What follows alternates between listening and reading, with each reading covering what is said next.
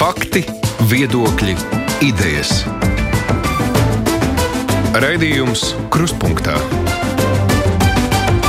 ar izpratni par būtisko. Studijā Mārija Ansone. Saimnes vēlēšanas jau rīt, bet jau vairākas dienas iespējams nodot savu balsi par kādu no sarakstiem, un vēlētāja aktivitāte iepriekšējā balsošanā ir bijusi augstāka nekā pirms četriem gadiem. Tomēr ne tikai vēlēšanas nodarbina daudzu prātus. Gāzes noplūdes no Nord Stream gāzes vada Baltijas jūrā ir radījušas lielu satraukumu un arī jautājumu, kam tas ir vajadzīgs un kas sekos tālāk. Ir arī citas aktualitātes, kas šonadēļ sabiedrībā plaši apspriestas, tajā skaitā valdības lēmums par par obligāto eksāmenu dabas zinībās, bet vairāk par visu mēs runāsim ar žurnālistiem. Šodien studijā ir žurnāls sestdien galvenā redaktore Lauma Spridzāne. Sveika! Labdien. Ivo Butkevičs no TV3 ziņām. Sveiks, Ivo! Labdien! Atālināt mums pievienojas Salija Benfelde no laikraksta Brīvā Latvijas. Sveiks, Salija! Sveiki! Un mans kolēģis Aidis Tomsons Latvijas radio kruspunktā. Sveiks, Aidi!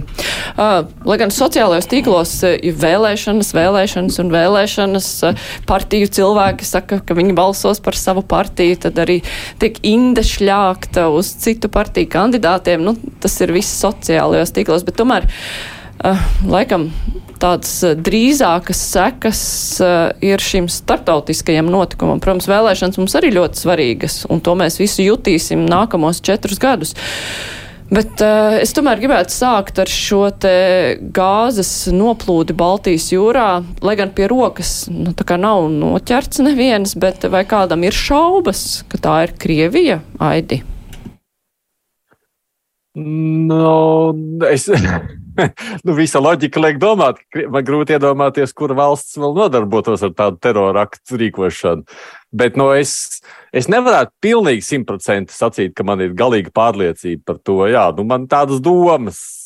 Protams, ja mēs skatītos no tādu ieinteresēto pušu viedokļa, es pieļauju, ka tādas ieinteresētās puses varētu būt vairākas, un uh, tie argumenti jau varētu būt dažādi.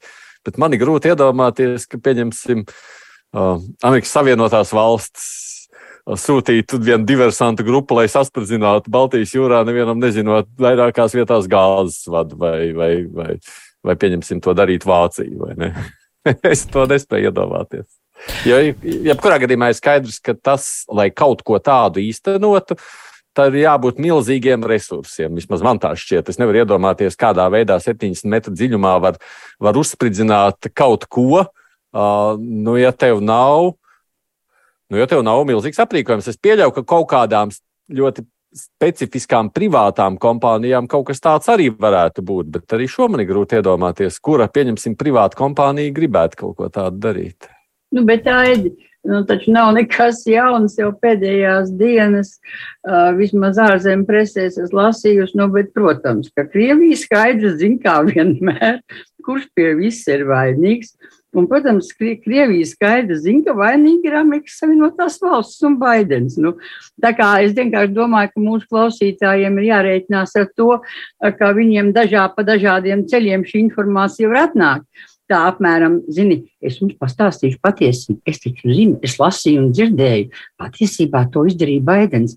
Jo, jo ziniet, ka tas Amerikas Savienotās valsts jau daļai ir padarīts par bubulu mūsu sabiedrībā. Es nevaru spriest, cik lielai daļai, simts cilvēkiem, tūkstoši vai divdesmit pieciem, bet tā tas ir. Jā. Ar to vienkārši ar šo dezinformāciju ir jākeitinās. Man tikai ļoti gribētu zināt, vai un cik būs iespējams patiešām šo lietu pierādīt, jo nu, gribētos jau domāt, ka tas spridzinātājs ir parūpējies, lai to nevarētu pierādīt. Bet varbūt arī nē, Krievija reizēm ir tik ļoti klāji to demonstrējusi, ka es nezinu. Pateikt, jā, jā, jā. Lauma, kam tas ir izdevīgi? Nu, es gribētu teikt, ka nu, šī ir tā reize, kad diez vai var teikt, ka spekulācijas ir daudz un dažādas. Es teiktu, ka arī piekrist kolēģiem, ka tas ir diezgan, diezgan vienos vārtos, jo ir skaidrs, ka ir šobrīd ļoti izteikti viena valsts, kurai ir um, vēlme sēt kaut kādas uh, visa veida neskaidrības, bažas um, visos iespējamos veidos un visās iespējamās jomās. Cita lieta, ka es um, arī tieši gribēju teikt, ka manuprāt šī ir tā reize, kad izmeklēšana diezin vai kaut ko spēs uh, sviest kaut kādu tādu ļoti konkrētu skaidrību un nonākt pie kaut kāda izteikta tāda skaidra gala secinājuma. Es nedomāju, ka tas. Uh, aizvedīs līdz kaut kam tādam. Jautājums, vai tur vajag tādu izmeklēšanu, no, respektīvi, vai kāds tur īpaši gaida kaut kādu izmeklēšanu, lai kādu par kaut ko sodītu. Mēs jau redzēsim, kurš izmantos šo kārti. Man īstenībā mulsina pilnīgi viss tajā stāstā, jo es skatos, no kuras puses gribas īsti skaidrībā netiek. Skaidrs, ka tur ir tādas vairākas šīs noplūdes vienlaikus, abos Nord Streamos nu, kaut kādu tehnisku ķibeli visticamāk mēs izslēdzam. Ja mēs palūkamies Kremļa narratīvā, ka tur savienotās valsts, viņiem tas ir izdevīgi, nu, cilvēki mīļie savienotajām valstīm ir sankciju politika. Viņi var apkārt nosankcionēt ap Nord Stream vispārējo, un neviens nepirks to gāzi, jo tev automātiski izslēgs no dolāra sistēmām vispārējā. Nu, jēga tur ar ūdens lidējumu vai citos risinājumos to darīt uh, Savienotajām valstīm īsti nesaskatu, bet es arī nesaskatu jēgu īsti to darīt Krievijai. Situācijā, kurā būtu ļoti augsta un barga ziema Eiropā, tas ir fenomenāls šantāžas instruments, kas viņiem ir atlicis, lai kaut kā bakstītu Eiropu, jo sevišķi vakar Eiropas valstis par to, ka, nu jā, bet mēs tā varam vienkārši pagriezt krānu un rekur jūs atkal visi nesalstat un visu pārējo. Protams, pat labi vēl īsti nav skaidrība, cik es vismaz saprotu, ka, nu, kādā stāvoklī tad īsti ir tas gāzes, vai viņš jebkad vispār varēs tikt izmantots, vai tur ir mm, remonta darbi nepieciešami, kā tā visa situācija. Bet es tiešām es arī īsti netieku skaidrībā, kā tas varētu būt Krievijas interesēs, ja nu, ja nu vienkārši vienīgi nu, tā, tādu huligānisku apmēram. Uh, gājienu izdarīt. Tāpēc, bet, jā, saku, man šeit mulsina viss tajā. Bet varbūt no otras puses jāskatās, kuram ir lielākie zaudējumi pēc visa šī. Nē, nu, es nu, domāju, jā, ka bet... tas galvenais stāsts ir par tām gāzes cenām. Un uh, varbūt mazliet atbildot uz tām, to tavu uh, miglu šajā jautājumā, nu, es teiktu, ka tur. Uh, uh, Man gribētos teikt, ka diez vai Krievija šobrīd uh, domā pat tik tālu kā par bargo ziemu. Es domāju, ka šobrīd viņi mazliet dzīvo šeit un tagad tādā um, sajūtā un, uh, un, un dara iespējams visu, lai, uh, lai jā, kaut kā jauktu nu, gaisu. Tam, varbūt, tā to varētu būt. Tam tā jau nav, ka viņi nekad nedomā trīs soļus uz priekšu. Nu, piemēram, šīs lielās gāzes noplūdes Baltijas jūrā, tā jau ne visai labo Baltijas jūras ekoloģisko situāciju, tikai krasi pasliktina. Un ja mēs atceramies, ka pēc Somijas un Zviedrijas lūgumu uzņemt viņus NATO, te Eiropa gavilēja, un, un, protams, Krievija to ļoti labi zina un dzirdēja par to, ka Baltijas jūra tagad ir uh, NATO jūra. Tad es domāju, ka tur ir nu, tīri teiksim, tas psiholoģiskais aspekts, plus, protams, daudz būtiskākais ekoloģiskais. Jo Baltijas jūras tā situācija ekoloģiskā ir ļoti slikta. Un, protams, šīs gāzes noplūdes tikai to vēl pasliktina. Plus, vēl, protams, kuģošanas apgrūtinājumi, jo zin, diezgan lielā radiusā nemaldos piecas jūdzes ap katru šo noplūdu. Vispār nenotiek nekāda kustība pa ūdeni un nevar notikt, jo tas ir bīstami. Tā kā es nedomāju, ka tas ir tik naivi. Nu, kāda viņiem nabadzīgiem? Viņiem tāpatās. Viņi savu gāzi, ko viņi iegūst, tagad spiest dedzināt, jo to nav ko spēku. Nu, viņi spēlē, kā mēdz teikt, va banku. Būs, nebūs, un ja nebūs mums, nu, tad jums arī daudz kas nebūs. Ja? Nu, tas taču ir zināms princips. Nu, es te pieliktu vēl dažus tomēr nianses tajā visā klāt. Atceramies, īstenībā jau Nord Stream ir salīdzinoši jauns projekts, vai ne? Eiropa jau tika apgādāta līdz šim pamatā caur Ukrainu. Un, nu, kā caur tiem esošajiem sauszemes vadiem. Plus vēl, starp citu, tiek būvēts caur Turciju, tu atceries savukārt, un arī tur var nokļūt līdz kaut kādai daļai Eiropas. Proti, es domāju, ka Krievija ļoti labi apzinās to reālo situāciju, ka faktiski jau Eiropas valsts ir pateikuši, ka viņas atsakās tuvākajā laikā no Krievijas gāzes vispār. Skaidrs, ka tāds apjoms jau jebkurā gadījumā nebūtu vajadzīgs. Tā kā es teiktu, tur sava loģika tajā visā. Uh, nu, sakot, ka viņi nevar pēc tam atkal atjaunot dabasgāzes piegādes, tā nu galīgi nav. Drīzāk man šķiet tas, par kas man liek šajā situācijā nu, bažīgi darīt. Tad, kad šie vadi tika abi sasprindzināti, tajā es ar interesi noskatījos kolēģis no Vācijas komentārus. Viņi sako tā, hm, hm, hm. Uh, nu, tur ir kaut kāda jēga to spridzināt tādu, ja Krievija mēģinās arī tālāk citus vadus slēgt ciet un šādā veidā spiest. Nu, tajā pašā dienā, pēcpusdienā, mēs ja, faktiski vienos dienā, man liekas, parādījās Gazprom paziņojums, ka viņi slēdz arī caur Ukraiņu ciet. Nu, kas nu, kas nu, faktiski nu, apstiprināja tās bažas, sakot, ka jā, jā, jā, Krievija spēlē šo spēli.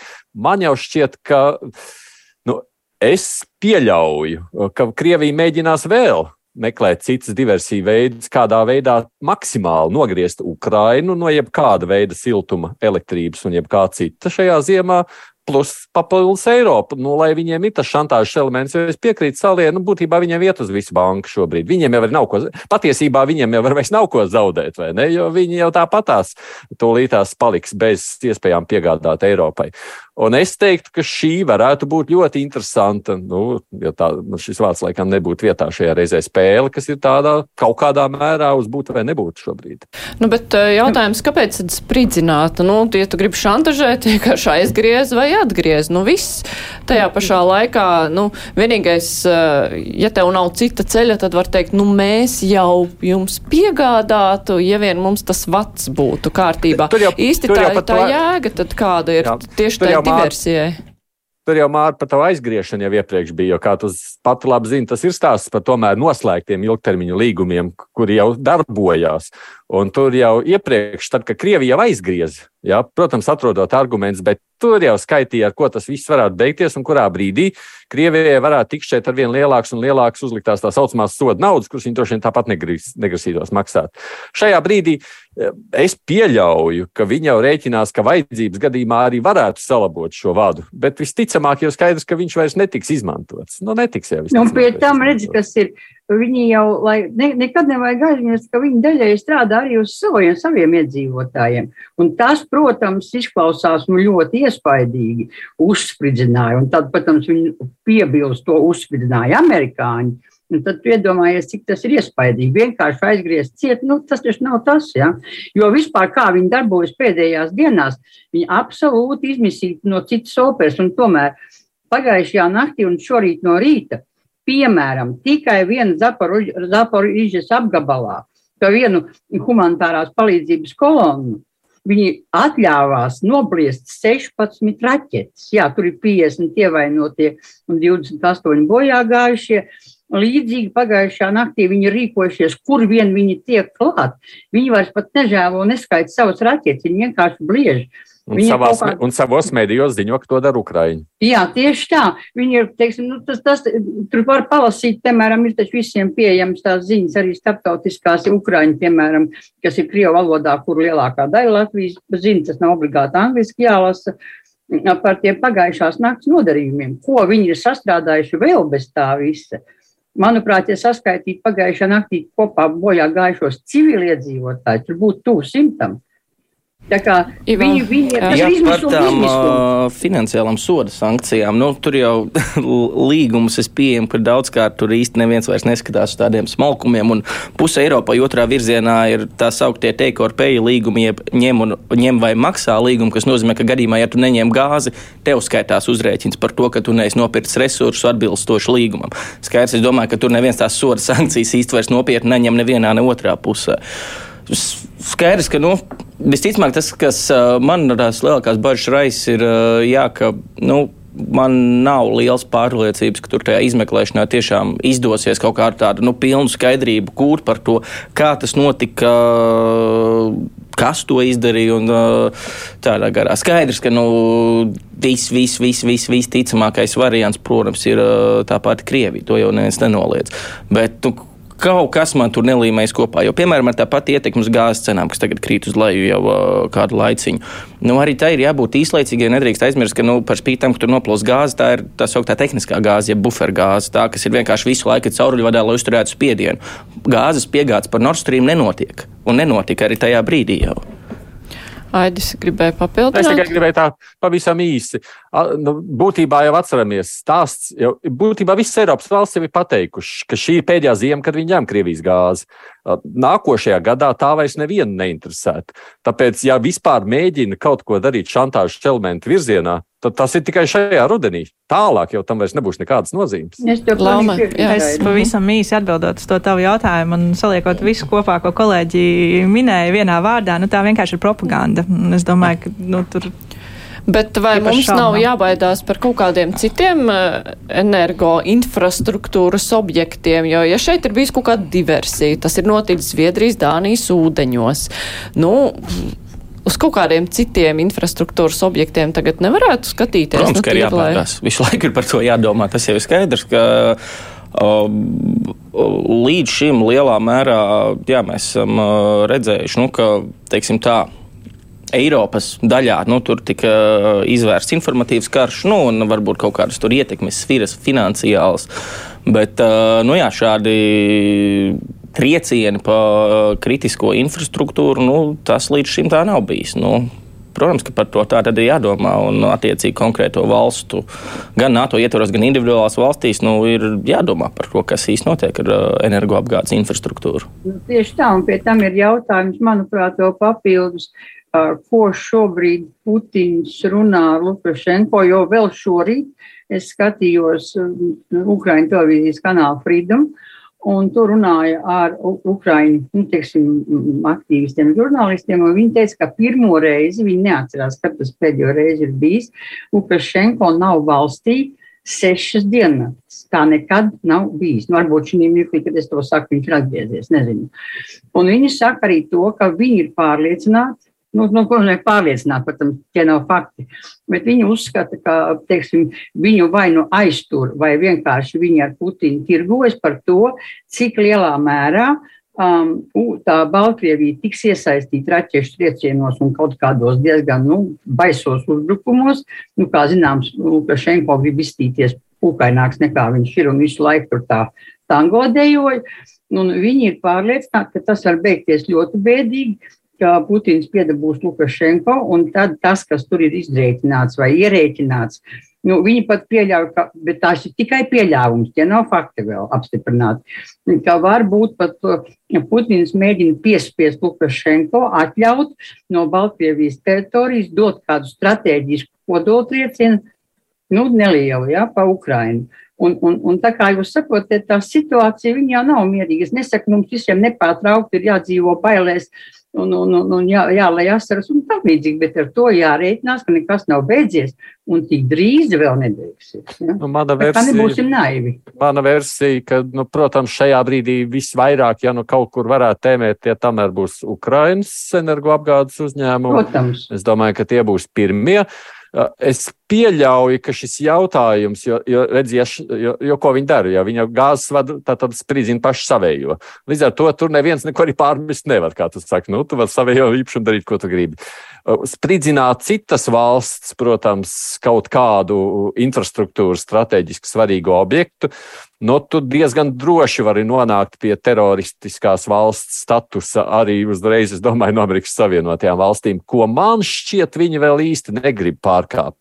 Tāpēc es paredzu, ka, nu, ka drīzāk šobrīd ir meklējums, ies, kādā veidā var iespaidot Eiropu ar saviem infrastruktūras objektiem, nevis ar citu valstu piedrošiem. Bet es, protams, piekrītu, ka nevar izslēgt uh, neko.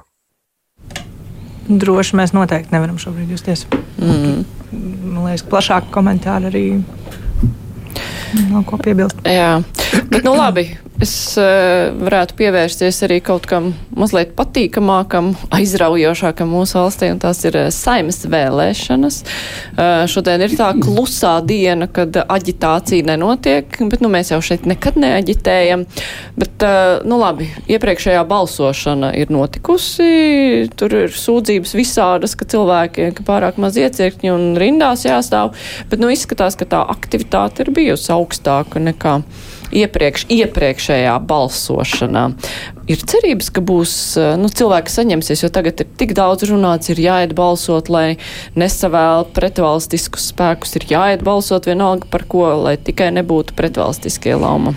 Kā Nu, tev šķiet, vai būs tā kā vienmēr? Šeit es mazliet uh, piekritīšu arī jau iepriekš, uh, ja nemaldos, tas bija Kaktiņkungs, kurš uh, ļoti precīzi to formulē, ka tik ilgi ir uh, kliegts uh, šis vilks aitās, ka tajā brīdī, kad, nu, var teikt, tiešām jāiet vilks. ka tad jautājums, vai tas nostrādās. Um, Es nebūtu ļoti optimistiski. Es domāju, ka kaut kāds procents uh, vajadzētu būt uh, lielākam un tai aktivitātei vajadzētu būt uh, lielākai, bet um, tas būs tā ļoti manāmi. Tur es nezinu, pēkšņi pa 20% augšā. Es, uh, es baidos, ka tas ir pārāk optimistisks skatījums. Uh, bet es gribēju piebilst arī par tām sūdzībām. Um, Protams, ir kaut kādas lietas, kuras noteikti var pārmest, bet man liekas, ka tomēr tas, kas būtu jāatcerās, ka visi šie veidi, tā priekšbalsošana, nodošana, balss, nodošana glabāšanā, balsošana pa pastu, tas tomēr ir tāds, nu, tāda nevis ārkārtas situācija, varbūt gluži, bet tas ir tāda papildu iespēja,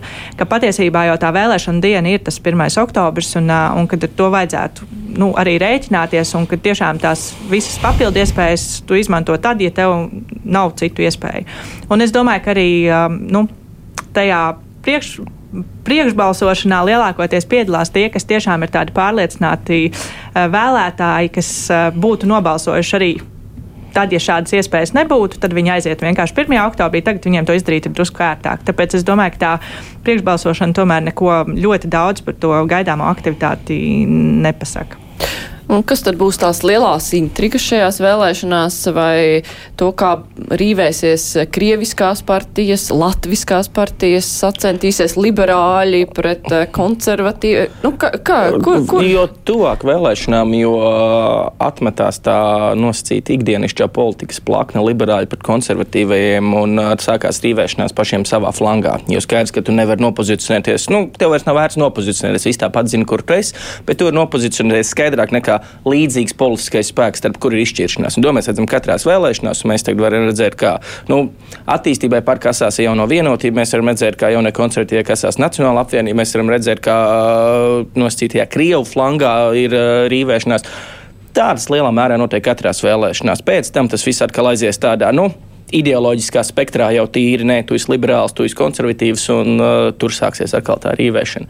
Par uh, vēlēšanu aktivitāti es piekrītu, iepriekš balsošanai īpaši lielu uzmanību, manuprāt, nevajadzētu pievērst. Tā, no tādas sacerēšanās viedokļa, ka tūlīt mums viss būs uh, burvīgi. Tur visdažādākie iemesli, un īsti es domāju, tur var tiešām būt arī vienkārši sakritība, ka mums tas uh, rādītājs ir augstāks uh, nekā bijis iepriekšējā reizē. Tomēr es domāju, ka šoreiz mēs gluži antirekordu nedabūsim. Vēlētāju aktivitāte, manuprāt, kaut kādā elektorāta mobilizēšanās ir notikusi. Mums uz katrām vēlēšanām saka, no šīs ir no izšķirošajām vēlēšanām, šīs ir visizšķirīgākās, kādas mums ir bijušas. Nu, šoreiz varbūt beidzot pat tam teicienam ir taisnība. Un es domāju, ka kaut kāds tas uzrāviens būs uz tā rēķina.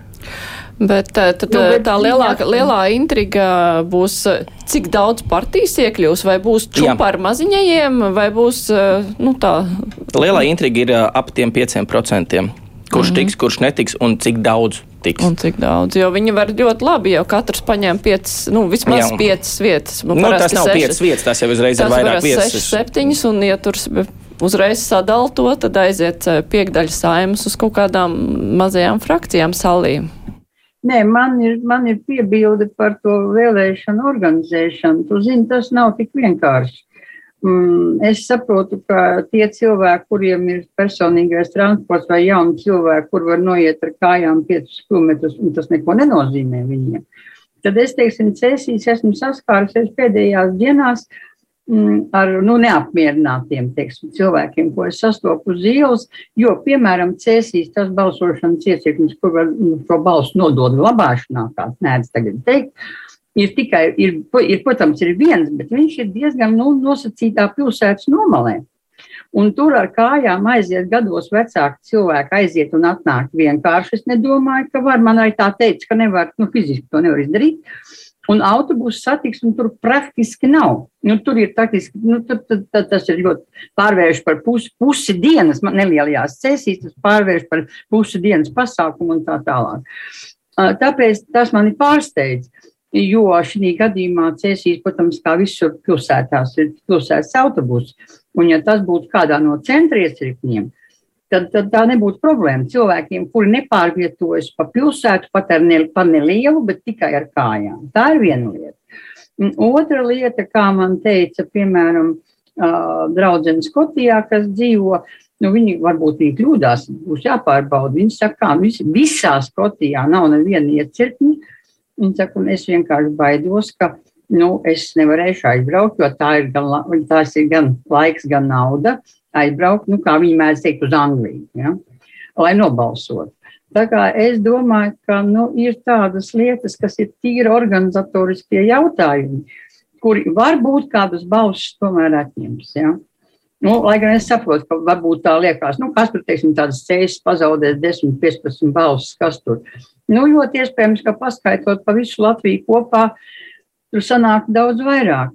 Bet, ja runājam par to, par tiem antrekordiem un nerekordiem, es domāju, ka tieši tāpat kā antrekords nebūs, bet es nedomāju, ka būs uzreiz par 20% vairāk. Tā es gan nedomāju. Tā vienkāršā iemesla dēļ, ka nu, nu, cilvēki ir, mēs esam tādi, kā mēs esam. Mums ir savs, savu uzskatu, un ļoti daudz ir neapmierināti un dusmīgi un, un, un negrib iedziļināties un neies. Aidi, uz ko tu liec, ka būs ļoti daudz mazas frakcijas, vai tomēr, nu, ka būs kaut cik tāda sakarīga tā mozaīka, kas saimā būs nonākusi? Nu, es nezinu, man, es tādu baigu atšķirību starp tām citām vēlēšanām šīm neredzu. Es piekrītu, šajā reizē varbūt tā lielā intriga ir ap tiem 5%, jo tur diezgan daudz grūstās pie tās, pie tās robežas, un līdz ar to, kurš pārgrīz, pārgrūdīsies pār, kurš ne, man liekas, pagājušās reizēs tik ļoti daudz tur negrūstījās tajos vārtos. Bet realitātē atkal savukārt šķiet, ka, pieņemsim, salīdzinot kaut kādu iepriekšējo reizi, kad likās tur galīgs tāds, nu, savācies ir dīvains kokteilis. Uh, tad šajā reizē man liekas, tā aina rādās prognozējamāka pat skatoties no pašreizējām socioloģiskajām aptaujām. Nu, karš jau, protams, savu, savu lomu spēlē kādā daļā noteikti, bet uh, es arī neredzu, ka tur baigā atšķirība būtu. Es domāju, organizatoriskā viedoklī līdzīgi agrāk iet vēlēt, tāpēc, ka cilvēki sāk pamanīt, vai ne, ka ir vesela nedēļa. Tā ir ērtība jautājums, ja tu vari aiziet iepriekš. Nu, ne viss arī nav uz vietas. Nu, jā, jā, jā. Tas arī tā. Es, piemēram, pagājušās reizes arī esmu gājis tā saucamo nodot balsu. Šoreiz, sakal, savukārt neaizgāju. Ne, bet, um, bet es domāju, no tā mēs neko nesicinām. Es paredzu, ka varētu būt diezgan līdzīgi kā iepriekšējās reizes balsošanu. Nu, varbūt mazliet vairāk, jo pagājušā reize man liekas, daudziem bija pārsteigums, ka ir tik zemi, jo visi domāja, ka būs tomēr vairāk. Nu, vai tas šoreiz attaisnosies, nezinu. Nu, un tā pagājušā reize bija slavena ar to, nebija jau nemaz tik daudz frakciju, bet toties tās frakcijas bija tādas, ka tur salikt puzli bija ārkārtīgi grūti valdība tieši. Šogad varētu tas atkārtoties. Plus vēl ir tik daudz indes mests vienam pret otru priekšvēlēšana kampaņas, dažiem ir balstītas ar pakāpšanos uz citiem. Tas viss tiks aizmirsts. Nē, nē, nē bet vajag pagaiš... atcerēties, kas bija pirms četriem gadiem. Bija, va, va. man pat šķiet, ka tā bija tāda agresīvāka un indīgāka vēl priekšvēlēšana kampaņa nekā pat laba ir šī. Nu, jā, beigās pēc tam viss mēģināja sēsties pie viena galda un, jo, un kaut ko runāt. Jo skaidrs, jo tajā brīdī tika visi saukti pa zagļiem, korumpantiem, blēžiem un visu pārējo no visām pusēm. Un Nu, kaut kā pēc tam tas norimst, un viss saprot, ka kaut kā jāmēģina strādāt kopā. Nu, jā, tur tā matemātika salikās tā, ka nu, bija ļoti sarežģīti kaut kā tur kaut ko saveidot. Tāpēc mēs redzējām, ka janvārī vēl ievilkās uh, koalīcijas veidošana, lai gan iepriekšējās reizēs parasti jau bija tā, ka tad, kad uz to novembrī sanāk jaunā saima, tad it kā jau ir nu, lielā mērā jau uzreiz var arī uh, vēlēt valdību. Tur jau ir skaidrība, jo viss kaut kā ir vienkāršāk sanācis. Nu, ja būs uh, daudz mazo partiju, ir paredzams, ka varētu arī šoreiz būt uh, grūti izveidot uh, koalīciju nu, prasīt ilgāku laiku. Lai gan otrs puses, ja ir daudz mazo partiju, kā ir vieglāk pateikt, vienmēr tad mums te vispār nevajag.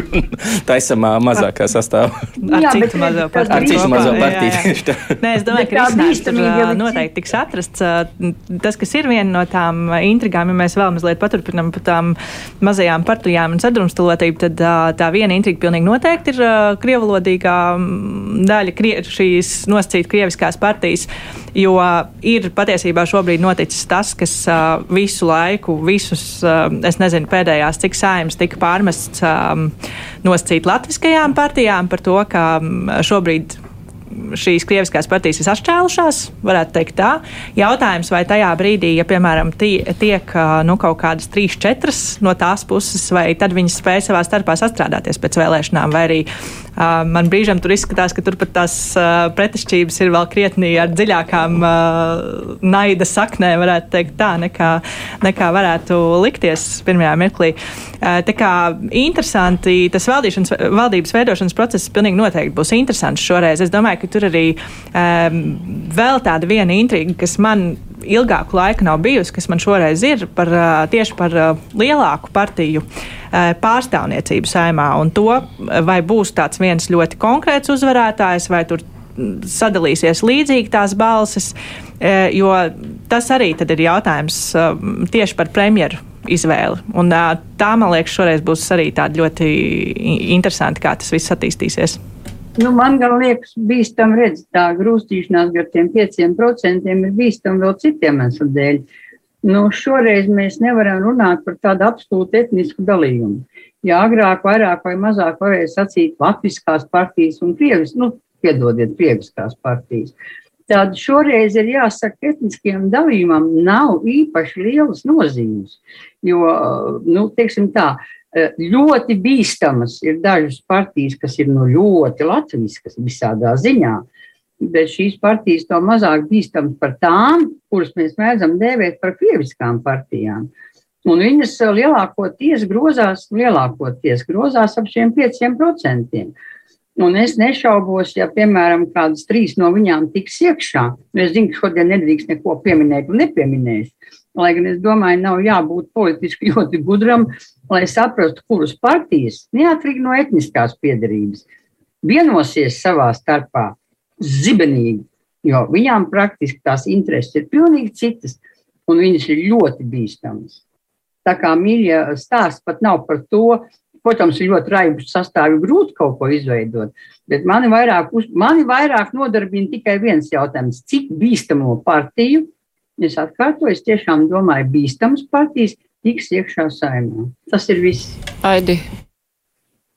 Ko lai es tev saku? Tu gribēji papildināt, un uh, mēs te studijā, tā teikt, aizrunājām. Jā, jā, jūs, jūs ļoti labi sarunājāt. Man jau liekas, es jau tur neko baigi daudz nevaru piebilst. Es piekrītu šādā ziņā, Ivo. Pagājušajās reizēs tā mētāšanās bija krietni lielāka, ja tur jautāja par to mētāšanos, bet man šķiet, ka šajās vēlēšanās viņi ir mazāk. Nu, tur varētu būt divi argumenti, bet tas viens no lielākajiem pamatā ir tā. Mēs redzējām, ko šīs partijām beigās tā mētāšanās izmaksāja. Beigās netika ne Bordāns par premjeru, nedz uh, KPVLV netika Gobzems par premjeru, tāpēc, ka iepriekš ja pa daudz sarunāja. Un beig, tāpēc arī Krišāns Kariņš tur iekļuva beigās, jo paši vairs savā starpā nebija gatavi viens otram piedot. Šoreiz es tādu ainu neredzu. Līdz ar to es domāju, ka šīs arguments tik liels. Nē, nē nu, jā, tās, kas grūstās, tur dažas pie pieciem procentiem, tās, protams, jā. Bet uh, nu, es ceru, ka tas sliktākais scenārijs nepiepildīsies. Jā, nu, katrā ziņā ļoti ilgi vairs nav jāgaida pusotra diena, un mēs jau kaut ko zināsim. Es atgādināšu, ka šodien mums studijā ir Lauma Spridzāne, žurnālists dienu galvenā redaktora Ivo Butkevičs no TV3 ziņām, attālināti pievienojušies Salī Benfelda no laikraksta Brīvā Latvija un Laiks, un Aidis Tomsons, mans kolēģis Kruspunktā. Mēs tūlīt turpināsim. Raidījums Krustpunktā. Saima vēl steidz kaut kādus pēdējos darbus darīt, arī valdība. Šī viens no lēmumiem, par ko ļoti daudz runāja šonadēļ, bija obligātais eksāmens dabas zinībās. Ļoti pretrunīgi vērtēts lēmums. No vienas puses mums ļoti vajag šos te tā saucamos STEM, jeb dabas zinātņu un tehnoloģiju speciālistus. No otras puses, cilvēki, kuri strādā skolā, vai bērnu vecāki, kuri, kuru bērni mācās, un viņiem nav sakarīgi skolotāji, saka, ko lai mēs tagad darām? Skolotāju nav. Kur viņus dabūt? Skolas meklē katru gadu. Šis lēmums bija pārdomāts. Ivau, kā tev šķiet? Jā, nu nedaudz izklausās pēc tādas piespiedīsim mīlēt Raini taktikas, bet uh, Es vidusskolu beidzu 2008. gadā, un es biju pēdējais gads, kuram nebija obligātais matemātikas eksāmens. Es atceros, ka lielā mērā šīs diskusijas bija samērā līdzīgas. Tieši par skolotājiem un kā tas tagad būs. Uh, es domāju, ka tas lēmums visticamāk tomēr bija vajadzīgs. Ja mums ir tik milzīgs pieprasījums darba tirgu un mums ir tāds disbalans, tur ir nelīdzsvars izveidojies, tur, tad kaut kas bija jādara. Bet galvenais šajā brīdī neuztver to, ka nu, mēs tagad esam ieviesuši eksāmenu, tā ir kaut kāda panacēja un visas problēmas pārējās ir atrisinātas. Nē, es vienkārši domāju, ka ja mēs esam nolikuši kaut kādu atskaites punktu tam, tad mēs, mēs varam tālāk sākt vairāk pievērsties un ar lielāku spāru un ar lielāku attaisnojumu, piemēram, piesaistīt finansējumu vai meklēt, vai tiešām palielināt pedagoģu algas vai visu pārējo. Jo kaut kā izējot no plaknes, rekur mums ir vēl viens eksāmens, mums vajag tos jaunos skolotājus, mums vajag, lai mums ir kas mācās. Uh, solis ir izdarīts, bet nu, noteikti nedrīkst aizmirst, ka tur vēl plējāda problēma, kas cits jārisina. No, no, Jautājums, kam ar to nodarboties, jo valdībai. šobrīd, jā, valdībai, jo šobrīd tas tiek atstāts skolu direktoru pašvaldības, nu, risiniet lēmums ir pieņemts. Nu, jā, nu, es mazliet paturpinot domu, es arī tieši gribēju teikt, ka acīm redzot, bez šāda lēmuma, nu, diez vai kaut kas kustētos uz priekšu. Ja tiktu turpināts vienkārši diskusijas par to, ka kaut kas tāds ir vajadzīgs un kurā brīdī mēs to varam ieviest un kādi ir priekšdarbi jāvērst, droši vien, ka tas, tās diskusijas ilgtu vēl piecus gadus vismaz. Um, tagad jau arī nevar teikt, ka tas lēmums ir nu, tulīt tagad no nākamā septembra. Tur tomēr ir pāris gadi. Eksāmens būs ļoti drīz. E, jā, bet nu, tas. Tas tomēr ir tāds nosacīts pārējais posms. Ja es pareizi saprotu, tas vēl um, 2025. gads bija tas, kas ir jau tā kā um, nu, kas vairs neskaitās kā pārējais posms, kas jau būs oficiāli. Uh, tā kā nedaudz laika ir, protams, ka skolotāja problēma tas neatrasina, bet uh, vienlaikus es domāju, ka tas, ka ir šis termiņš, tas noteikti to padarīs krietni, sarunas padarīs krietni efektīvāks. Cita lieta, ka, protams, pieņemt šādu lēmumu tieši, tieši pirms vēlēšanām, nu, tas ir tāds, tāds gājiens ļoti, ļoti labs un pārdomāts, jo, protams, ka. Ir sevišķi, kad uzņēmēja organizācijas to ir tīkušas tik ilgu laiku, tad. Tie, tieši tā, jo arī ministrs savā ziņā noņem no sevis par to atbildību un, un, un, un nekur nav teikts, ka viņi arī būs nāk, nākamajā valdībā. Tā kā par to varētu varbūt vairāk diskutēt, bet tas, ka tāds lēmums bija nepieciešams un ka uz to vajadzēja jau tā konkrētāk iet, um, nevis tikai diskusiju līmenī, es domāju, ka tas pilnīgi noteikti. Bet tās uzņēmēja organizācijas šo jomu pārstāvi, tad kuri kā tika minēts, ir dīkuši ilgi. Viņiem ir jāuzņemās arī atbildība par to, nu, lai tad arī palīdzētu kaut kā atrast cilvēkus, kuri var strādāt salī, kā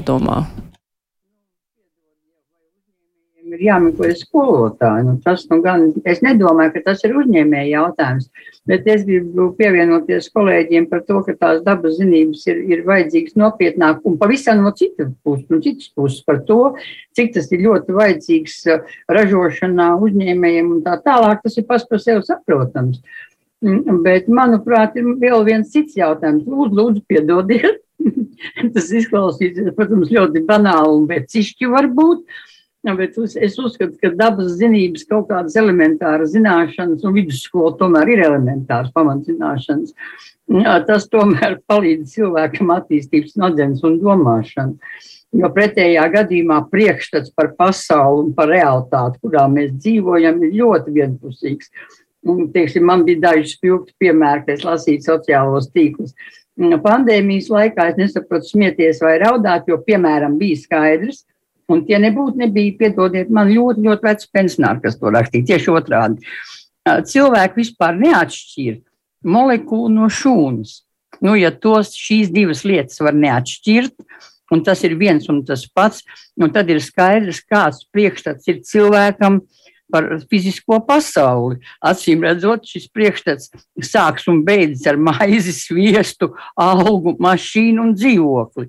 Nu, tā ir tā fiziskā pasaule, kas par viņu ir zināms. Piedodiet, protams. Ja?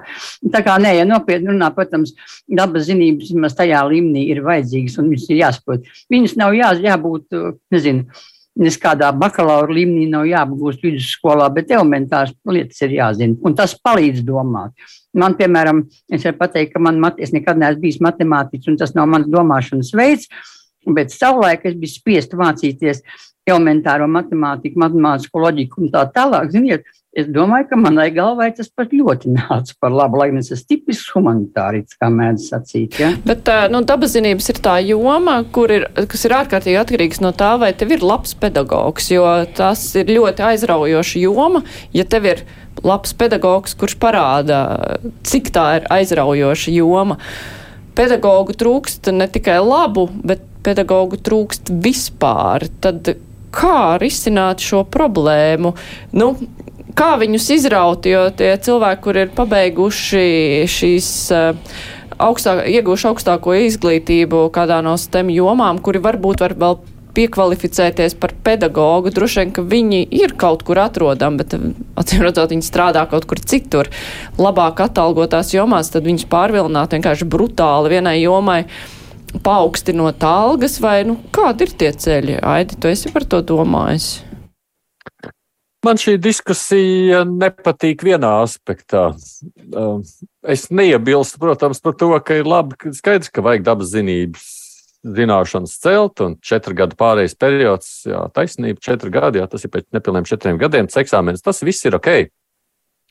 Bet šis jau nav stāsts tikai par dabas zinībām. Ja mēs atceramies, un ja mēs vispār paklausāmies politikā, regulāri mums rodas ar vienu jaunu priekšmetu, kurus vajadzētu apgūt. Nu, mums tur gāja savu laiku veselības mācību, tur redz, kādas partijas tur grib kristīgo mācību mācīt, tur kādām, nu, mums ir tā obligātais militārā jā, tā mācība, un mums nāk vēl visādas idejas. Bet tā ķibele jau vispār ir kā tāda. Mēs jau redzam, kas notiek ar skolotāju noslodzēm un algām. Un šis te, nu, kā saka, streika stāsts jau mazliet par to parādīja. Un, uh, Es ārkārtīgi cerētu, ja jaunā ministre vai ministrs, kurš būs nākošais izglītības ministrs, pamēģinātu savākt kopā savus skolu direktors pirmkārt arī jau un skolotājus. Un uztaisīt vienu, nu, ne tikai vienu, bet vienkārši tādu skaidru prāta vētru apskatoties, ko mēs vispār gribam mācīt vai nemācīt. Mēs esam pārgājuši uz kompetenci izglītību. Ir ok, Jā. Bet kopumā man šķiet, ka mēs visu laiku nu, tā kā tādas diedziņas, mēs tā pa vienam kaut ko raustam. Vai visu vienmēr vajag visādā veidā prasīt tikai un vienīgi no skolas? Un skolotājiem varbūt vispār vajag pārskatīt mums to, ko mēs mācām, ko nemācām, cik mēs prasām no skolotājiem. Un tad varbūt mums atrastos kādi, kur vajag, nevajag, jo mums, šķiet, pietrūkst šīs kompleksā skatījuma. Tad, kad bija šis streiks, mums bija skolā studijā šeit četri direktori. Un tā bija direktora sacītais. Viņa saka, ka viņi sēžot un skatoties, kas notiek šobrīd, ko tiem bērniem māca un kā māca. Un, mēs redzam, mēs jau tas bērns nodarbinām ar vien smagākām grāmatām, somām un ilgāk skolā sēdinot. Nu, ka vajadzētu vispār pārskatīt visu šo saturu vēlreiz tā kārtīgi. Sa pārskatot kopā gan ar slodzēm, gan ar to, ko mēs mācām. Bet Aida, man ir jautājums, nu, faktiski visiem, vai daļēji pie vainas nav arī vide? Un es saprotu, ka tas arī banāli izklausīsies, bet paskaties, ja skolnieks tehnikumā var sad gandrīz nodurt skolotāju, Un, ja tagad patiesībā visas atbildīgās institūcijas gudri runā par personu datu aizsardzību un nedrīkstēja zināt nu, to, ko nedrīkstēja zināt par šo bērnu, par šo pusaudzi, jo lūk, tā ir personu datu aizsardzība, nevienam nav jāzina ka viņai ir nopietni mm, psihiski traucējumi un ka viņa var būt bīstama un tā tālāk. Un tā tālāk. Un, protams, ģimenē nekādas atbildības, jo māte izrādās pirms tam ir ilgi slēpuši šo faktu tad man ir jautājums, cik vispār agresīva vai neagresīva ir pati vidusskolā un, un, un bērnu vecāku attieksme.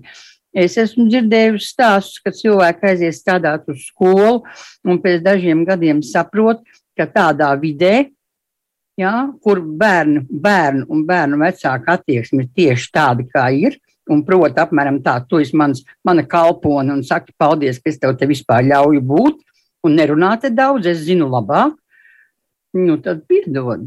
Man ir palicis varbūt ļoti atgāns. Es nestrīdos. Man nav mazu bērnu, maz bērnu vēl nav. Ja? Nu, tā, tie ir tādi atsevišķi stāsti. Droši vien, ka to nevar vispārināt uz visām skolām, kā visu skolu problēmu. Bet, protams, ka skolotājiem arī streika laikā, tad, kad bija runa, kas skolotājs neapmierina, tur bija visdažādākie aspekti. Tās bija gan reformas, gan metodisko materiālu trūkums, gan uh, algas, uh, arī attieksme, atbalsts no skolas vadības vai no ministrijas. Tur bija ļoti tas raips, tas kokteils, kādas bija pretenzijas. Labi, mums vēl ir nedaudz laika par vēl vienu reformu, ko valdība, saima grib paspēt pieņemt, ir obligātais uh, valsts aizsardzības dienas, nevis obligātais militārais dienas. Nu, ir uh, konceptuāli pieņemts šis likumprojekts, bet pārmetumi par to, ka tur ir nu, nekvalitatīvi izstrādāts šis te projekts. Vai šajā situācijā, kad drošības riski ir ļoti augsti, kad uh, ir jārisina valsts aizsardzības jautājumi strauji, uh, ir vērts pievērt acis uz kaut kādām iespējamām kļūdām, kuras varbūt vēlāk labos, vai tomēr ir mazliet jāpiebremzē un rūpīgāk jāizstrādā? Ivā? Nu, ja kaut kas ir jādara steidzami, tas uzreiz nenozīmē, ka tas ir jādara slikti. Uh, Saimnes juridiskais birojs, kas veltīja lielāko kritiku konkrētiem likumprojektam, ir nu, samērā konservatīva institūcija. Tādā izpratnē, ka viņi, jā, jā, bet viņi samērā konservatīva institūcija tādā izpratnē, ka nu, tik spilgts epitets viņi reti kad izmanto, kad uh, saņem kādu likuma projektu. Nu, ja konkrētie cilvēki to ir novērtējuši tā, tad tur nekā citā to nevar saprast, ka vienkārši tiešām brāķis atnesis uz saimu. Un tas nav normāli, ja uh, aizsardzības ministrijas parlamentārā sekretāra, kur nu, virzīs acīm redzot šo likuma projektu saimā, kā nu, tās primārais runātājs komisijās, nu vispārējo saka, nu jā, mēs zinām, ka te ir daudz kaut kas jādara un tādā garā, bet mēs atnesām kaut ko neceptu, nevārītu un strādājam. Nu, tas nav nopietni. Pār pašu ideju nesakot neko konceptuāli, manuprāt, ļoti atbalstām ideju, bet, nu, ja šis ir tas izpildījums, Un tā ir tā reakcija dokumentam, ko atnesa ministrija, kur mēs nu, šajos laikos tiešām cerētu, ka tur tā kompetences latiņa ir ļoti augsta aizsardzības resorā. Nu, tas nu, nu, švaki izskatās, nu, švaki katrā ziņā. Slikts izpildījums var sabojāt rezultātu. Tieši tā, es gribēju teikt pat vēl skarbāk, ka tieši šādos apstākļos nedrīkst atļauties kļūdas. Tieši šādos apstākļos nedrīkst um, nu, pieļaut, ka kaut kāds pat pirmais variants ir tāds, kurš. Um, tiek uzskatīts par brāķi. Bet vēl arī otra lieta, es atzīšu, ka es neesmu paskatījusies tagad to gala likumprojektu, kā, kā, kāds viņš pa punktiem tika virzīts, bet piedaloties varbūt vairākās diskusijās pirms tam, kur par šo ieceru tika diskutēts un, un jau izkristalizējās tās galvenās lietas. Um, Neejot detaļās, um, es teiktu, ka tur ir ļoti daudz, kas pat tad jau bija skaidrs, ka ir ļoti daudzas nepārdomātas lietas, kuras vienkārši ir iespējams gan apstrīdēt, gan, gan tie risinājumi pilnīgi noteikti nav labākie. Un, uh, un, jā, tāpēc man šis nebija pārsteigums, bet um, es tieši gribētu uzsvērt vēlreiz pretējo, ka tieši šādos apstākļos nedrīkstētu ļaut, bet, nu, acīm redzot, tās ir arī vēlēšana tuvums, un, un eh, es to savādāk nespēju izskaidrot. Es varu pateikt pavisam īsi. Ja šis pirmais variants aizies ar visādām kļūdām, muļķīgām un tā tālāk, tad šis dienas zaudēs jebkuru reputāciju, jebkuru. Un līdz ar to tā, tā kļūs par vēl vienu milzu problēmu, pirmkārt. Un otrkārt, arī neiedziļinoties katrā rindā un tā tālāk, es varu pateikt tikai vienu, ka šis likuma projekts absolūti neatrisina diasporas jautājumu un to, lai nebūtu kaut kādas absolūti privileģētās grupas vai, vai pazemotās vai apvainotās vai aizmirstās. Un diasporas jautājums šāds likuma projekts vispār nerisina normālā veidā netuvu. Aidi, kā tev šķiet, kas ir jādara šādā situācijā? Nu, tur ir brāķis pamanīts, tad eh, tas priekšlikuma iesniegšanas termiņš jau arī nav ļoti garš, lai to paspētu visu izlabot. Tad eh, vai es mēģinātu paspēt šīs saimas laikā visu, visu izdarīt, vai tomēr piebremzēt, kā tev izskatās? šīs saimnes laikā noteikti nevajadzētu neko paspēt izdarīt. Ne, man īstenībā žēl, jo būtībā jau nav ir bijuši mums pietiekoši daudz precedentu, kad ir jāpieņem tiešām lēmumus ātri, un viņas var izdarīt arī kvalitatīvi. Tur taču tiek rīkots nu, nezinu, konferences, tikšanās ar visām iesaistītām pusēm, uzklausīt visi argumenti, izstrādā, nākamajā dienā tiecies atkal, mēģina saprast, vai ne. Nu, proti, tā ir iespēja iesaistīt nu, ļoti plašu loku, jo šeit ir ļoti plašs lokus, kur ir iesa, nu, nu kurš grib vai negrib tās kārs. Tur sākot izglītības iestādēm, darba vietām, nu, diasporu pieminēto un vispārējais. Tur ir ļoti daudz to jautājumu. Es īsti nesaprotu, kāpēc aizsardzības ministrija tādu nerīkoja, vai arī rīkojas, neko neesmu dzirdējis par to. Nu, atsakot, tas viss notika, paši izdomāja, paši atstiepa, paši apstiprināja apmēram tā. Nu, saimai to izdarīt man šķiet ir grūtāk, bet iespējams. Um, nu, tas jautājums, ko, vai, vai saimnes atbildīgā komisija šobrīd to darīs vai nē. Ja viņi to nedarīs, protams, ka tur būs tik ļoti daudz to brāķu. Nu, kā tur ir ļoti daudz īlēnu. pēc idejas viņi nevar nebūt, ne? Līdz ar to. Nu, es, es, es tīpaši tagad, kad vēlēšanas un pēc vēlēšanām, kad prāts vispār būs aizņemts visām citām lietām, man tā ļoti gribētos cerēt, ka te, ne, te nekas nespēlē uz diviem, trim mēnešiem. Šobrīd, piedod, Latvijai nekas nedraud, es tā sacītu. Krievija netiek galā ar Ukrainu. Viņai ir, viņa var būt diversijām, bet nevis ka mums vajadzīga ir milzīga armija šobrīd uzreiz. Vismaz es tā domāju. Labāk strādāt pie kvalitātes, nevis kvantitātes. Ne, nu, galvenais es... ir, ka šis likums, šis likums, likum, nu, tas, šis dienas kā tāds ir ļoti vajadzīgs. Pirmkārt, otrkārt, galvenais ir, lai šī saima tiešām ir pieņēmusi konceptuāli, viņi vienkārši ir pieņemts. Bet tālāk visas tās detaļas un praktiskās lietas ir jārisina mierīgi, uh, un nevis tiešām visā pēcvēlēšana trakumā, kad faktiski visi būs aizņemti ar valdības domām, koalīciju domām un opozīcijas domām. Ja? Jo, protams, šis, šī lieta ir vajadzīga, bet ne tādā veidā, kā tas tiek darīts tagad. Konceptuāli jā, ir jāvienojas, ka, tā, ka tas tiešām būs. Es mazliet papildu no Taidi. Uh, man sanācis par šo jautājumu uh, gan dzirdēt uh, nu, dažus argumentus no, no atbildīgajām amatpersonām, gan mazliet parunāties ar viņiem. Tad katru reizi, kad tika norādīts uz kaut kādām bažām un nepilnībām vai kaut kādiem atsevišķiem, atsevišķām lietām, par kurām vajadzētu domāt, tad lielākoties tā atbilde bija, tu neesi Latvijas patriots. es mazliet, protams, pārspīlēju, bet ja mēs šādā tādā līmenī risinam to diskusiju un e, nemēģinam atrisināt problēmas, bet uh, vienkārši uzreiz nostājamies pretpozā, ka tā tad. Uh, ja tu nepieņem to, ko dodam mēs, tad uh, tu nedomā par valsti, tad, nu, tad, tad tur vienkārši trūkst vārdu. Tad, tur, tad, arī, tad arī rezultāts ir tieši tāds, kāds uh, beig, beigās šis likumprojekts ir. Nē, nu ir viens risinājums. Nu, labi, tagad ir uh, saimā likumprojekts uzlikts tā teikt uz sliedēm. Ir konceptuālais atbalsts, ir priekšlikuma iesniegšanas termiņš. Nu, tad lūdzu, visi šie neizdarītie darbi, kas un uh, nepieciešamie saskaņojumi, izdiskutēšanas par dažādiem jautājumiem, vienošanās un vispārējais. Nu, jūs nezinu, ieslēdzieties uz trim, četrām, piecām dienām telpā un, kā teikt, līdz, līdz baltiem dūmiem tieši tā. Nu, un atnesat pēc būtības uz otro, reda, uz otro lasījumu citu redakciju par, nu, visticamāk, kaut kādu pusi vismaz nomainot. Bet, nu, tad izdarīt tagad to darbu. Jo varbūt, nu, varbūt nav nemaz tas sliktākais variants. Tādā izpratnē, ka skaidrs, ka uz sliedēm ir uzlikts sēmā, un tagad mēs tad, nu, vai tas ļoti labs risinājums no tādas likumdošanas kvalitātes viedokļa? Noteikti nē.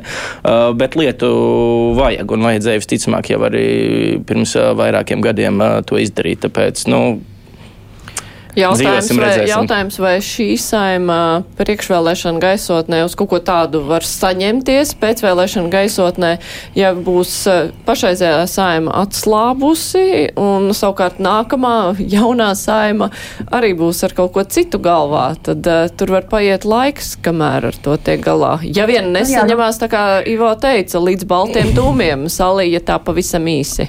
Nu, ja pavisam īsi piedodiet man, tad par ko mēs runājam? Par kaut kādu, teiksim, brīvdienu ballīti, kur tā kā negribās, nesanāk un nevar, vai par cilvēkiem, kurus mēs esam, esam un ievēlēsim, esam jau ievēlējuši un vēl ievēlēsim, kā, savas, savas, kā savus pārstāvis. Nu, piedod man, tas ir nopietni. Viņiem ne, nu, viņi būs atslābuši. Ziņa, mēs tā visi būtu atslābuši katrs savā darbā, kas tad būtu? Nu, tis, nu, tie, tiešām, es, es, es šito nesaprotu. Tā, jo, piemēram, par to pašu diasporu. Nu, tas ir pilnīgi skaidrs. Ārlietu ministrība uzaicinājusi aizsardzības ministru pie sevis uz tikšanos ar diasporas padomu. Es, protams, man diemžēl nav informācijas, vai, vai aizsardzības ministrija ir sapratusi tagad, kurš trieps nevis problēmas, nevis emocijas, bet problēmas reāli. Nu jā, nu skaidrs, ka te ir ļoti steidzīgi un daudz par šo tagad būs jārunā. Es saku paldies Laumas Pridzānī, Vobutkevičs, Salī Benfeldaitis, Tomsons bija kopā ar mums, rēdījuma producente Evi Junām, studijā bija Mārija Ansona. Vislabāk!